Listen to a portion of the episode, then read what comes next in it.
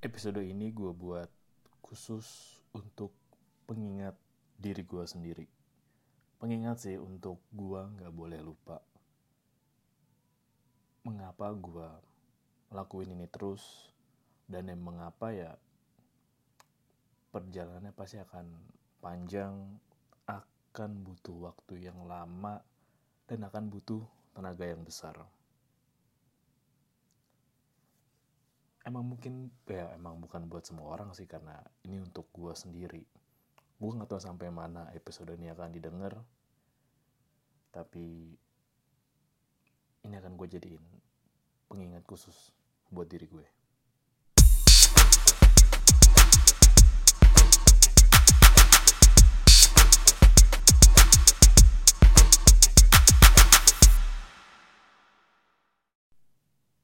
Beberapa waktu lalu tepatnya baru dua hari lalu sih belum lama kan.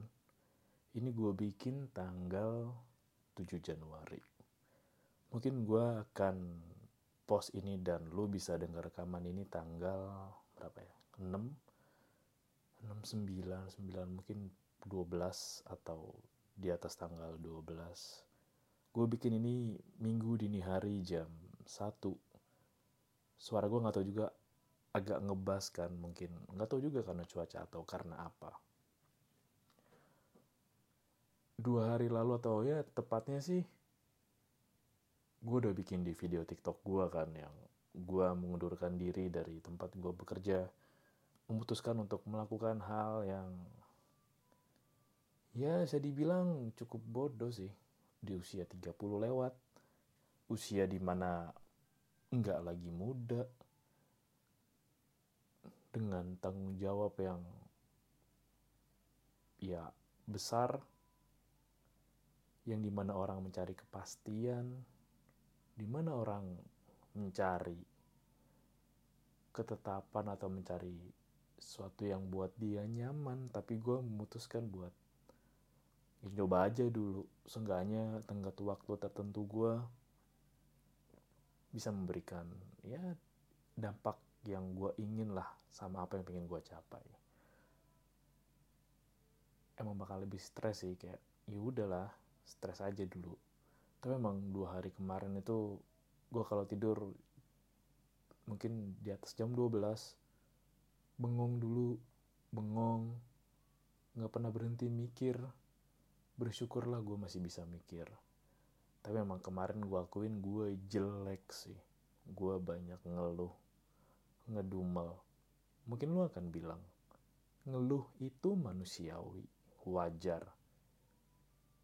Tapi kadang buat gue agak gimana ya? Oke lah, ngeluh boleh. Gerutu boleh. Tapi buat gue agak, ya lu kalau gerutu tuh ya seminggu sekali kek.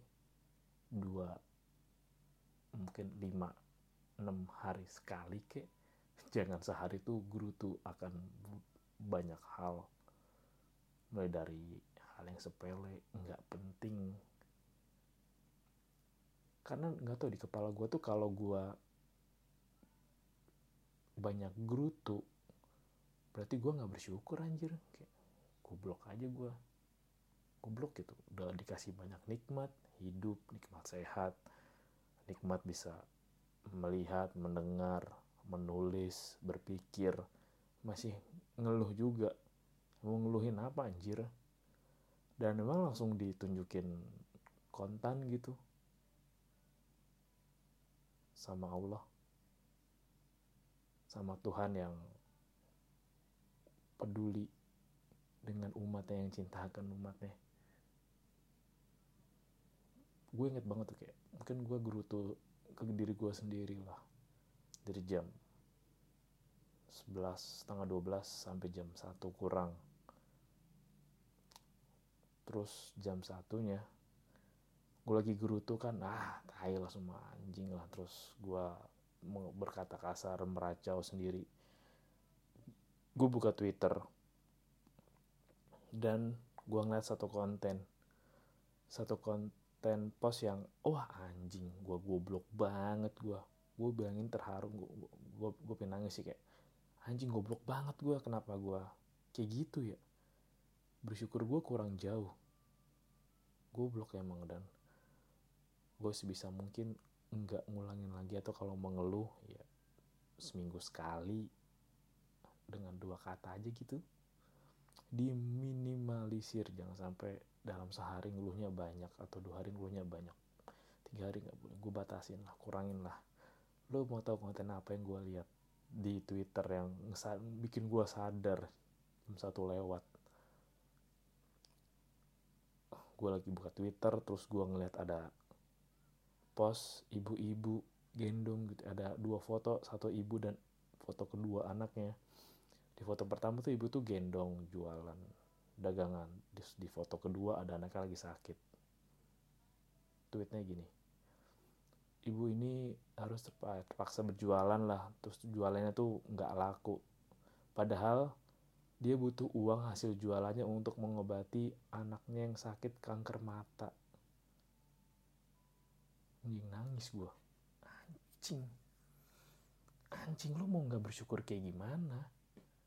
Mau nggak bersyukur apa lu? Lo mau ngeluh apa lu? Apalagi kayak kemarin gue liat konten yang yang kehidupan yang menurut lo biasa aja tuh yang lo rasa flat yang lo rasa gitu-gitu doang. Buat orang lain tuh adalah kehidupan yang diinginkan. Kehidupan yang emang lagi diperjuangin. Yang ini udah lama sih gue denger itu tuh udah lama. Terus gue denger tuh kemarin oh iya bisa jadi yang lu inget lima tahun dulu sama sekarang. Meskipun emang skala keinginannya berubah tapi bahwa ya di kehidupan lu lima tahun lalu pun di luar sana juga ada orang yang pingin punya kehidupan kayak lu. Pingin. Tapi ya karena ada yang nggak bisa karena keadaan ada yang belum sampai ke sana karena banyak beban yang harus dibawa. Gue termasuk yang punya privilege. Gue punya keuntungan walaupun gak berwah-wah sangat biasa banget. Ya gue punya privilege dasar gue punya sehat untuk saat ini sampai rekaman ini dibuat. Gue bisa ngatur kalau gue disiplin apa yang udah gue siapin bisa ya membantu gue lah beberapa bulan ke depan dengan yang biasa aja karena gue bersyukur gitu gue masih ada tempat tinggal. Ya kalau makan bisa cari sendiri dan gue makan yang gak rewel gak ada alergi. Makan sedikit untuk sekarang juga udah bisa kenyang. Nggak perlu makan yang aneh-aneh kayak harus makan yang alergi ini harus makan yang full karbo ini full protein ini. Ya enggak sih biasa aja. Gue emang kemarin emang lagi jelek aja sih gue lupa untuk bersyukur dan melihat sisi lain itu sama terjadi ketika orang kelamaan hidup di sangkar emas hidup di tempat yang benteng dia lah sampai dia lupa keadaan sekitar. Emang bukan pilihan dia sih yang wajib untuk cek warga sekitar untuk yang mau-mau aja dan gua mau. Gua memilih untuk mau. Kalau tanya lu kenapa anjing ngurusin hidup orang, emang hidup lu udah bener.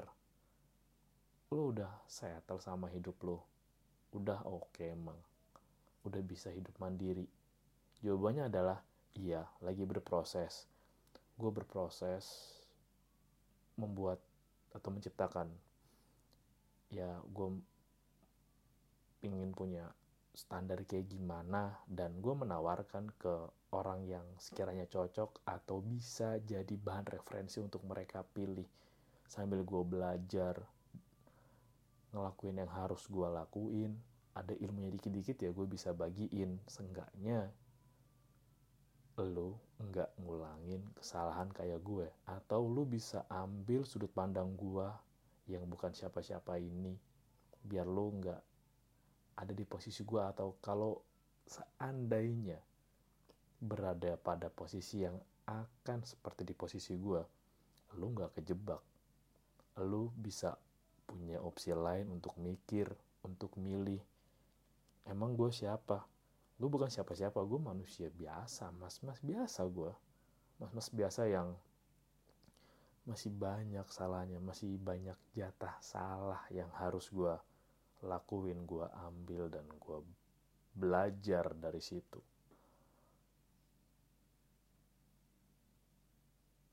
Ya wajar sih. Wajar bahwa ya sampai kemarin gue nggak tahu sih.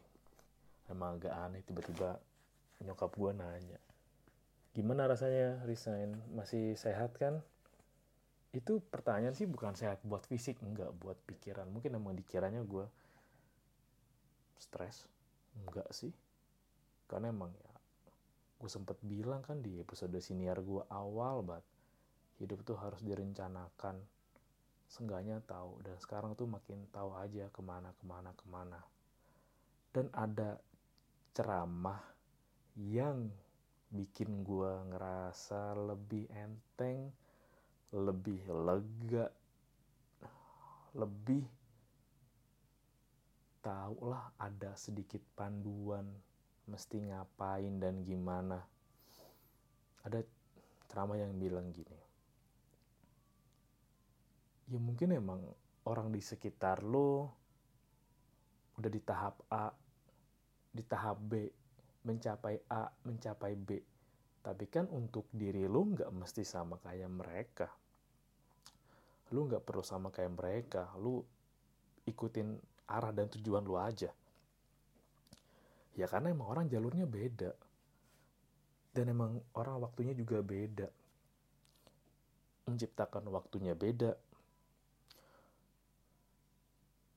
Untuk gak punya tujuan dan fokusnya juga beda kalau gue di low budget yang gue bawa kan opsi untuk memilih gaya hidup yang sederhana dan simpel kayak minimalis, kayak esensialis, tapi enggak mengabaikan lu harus mencari apa yang lu senangin dan pakai modal itu untuk ngebantu sekitar lu juga. Untuk ngebagiin lah apa yang lu tahu seenggaknya kita berhasilnya bareng-bareng. Majunya bareng-bareng. Karena gue ngerasain sih kalau gue berhasil sendiri rasanya aneh. Aneh aja gitu. Lebih baik ada rekan untuk berjalan bersama dan merasakan keberhasilannya bareng iyalah kalau lu mau pergi jauh pergi sendiri betul. Kalau mau pergi yang yang lama yang eh sorry kalau lu mau pergi yang cepat lu pergi sendiri. Kalau mau pergi jauh pergi yang bersama. Bersama dengan orang-orang yang ya yang bisa lu ajak sharing. Yang lu bisa ajak bertukar pikiran cepet banget sih kerasanya sih. Antara cepat atau lama dan kalau mau tahu kalau lo mau tahu rasanya gimana nggak ada pekerjaan tetap di usia 30 gue pertama suka ngerasain waktu gue kurang waktu gue untuk produktif itu udah dibatasin waktu cepet banget anjir. Gue ngetik tulisan halaman aja dua halaman itu bisa berapa jam sendiri belum ketik hapus ketik hapus nyari dulu jeda dulu. Jeda punggung pegel mata kemeng. Terus ada inspirasi mentok jeda dulu tarik nafas dulu apa dulu. Ya seenggaknya jangan menghalangi proses kreatifnya gitu tapi tetap kerjain aja. Karena kalau emang ya seenggaknya tuh gue dapet sebuah emosi rasanya tuh kayak oh jadi gini rasanya berjuang. Jadi gini rasanya usaha. Jadi gini rasanya mulai sendiri salah sendiri belajar sendiri.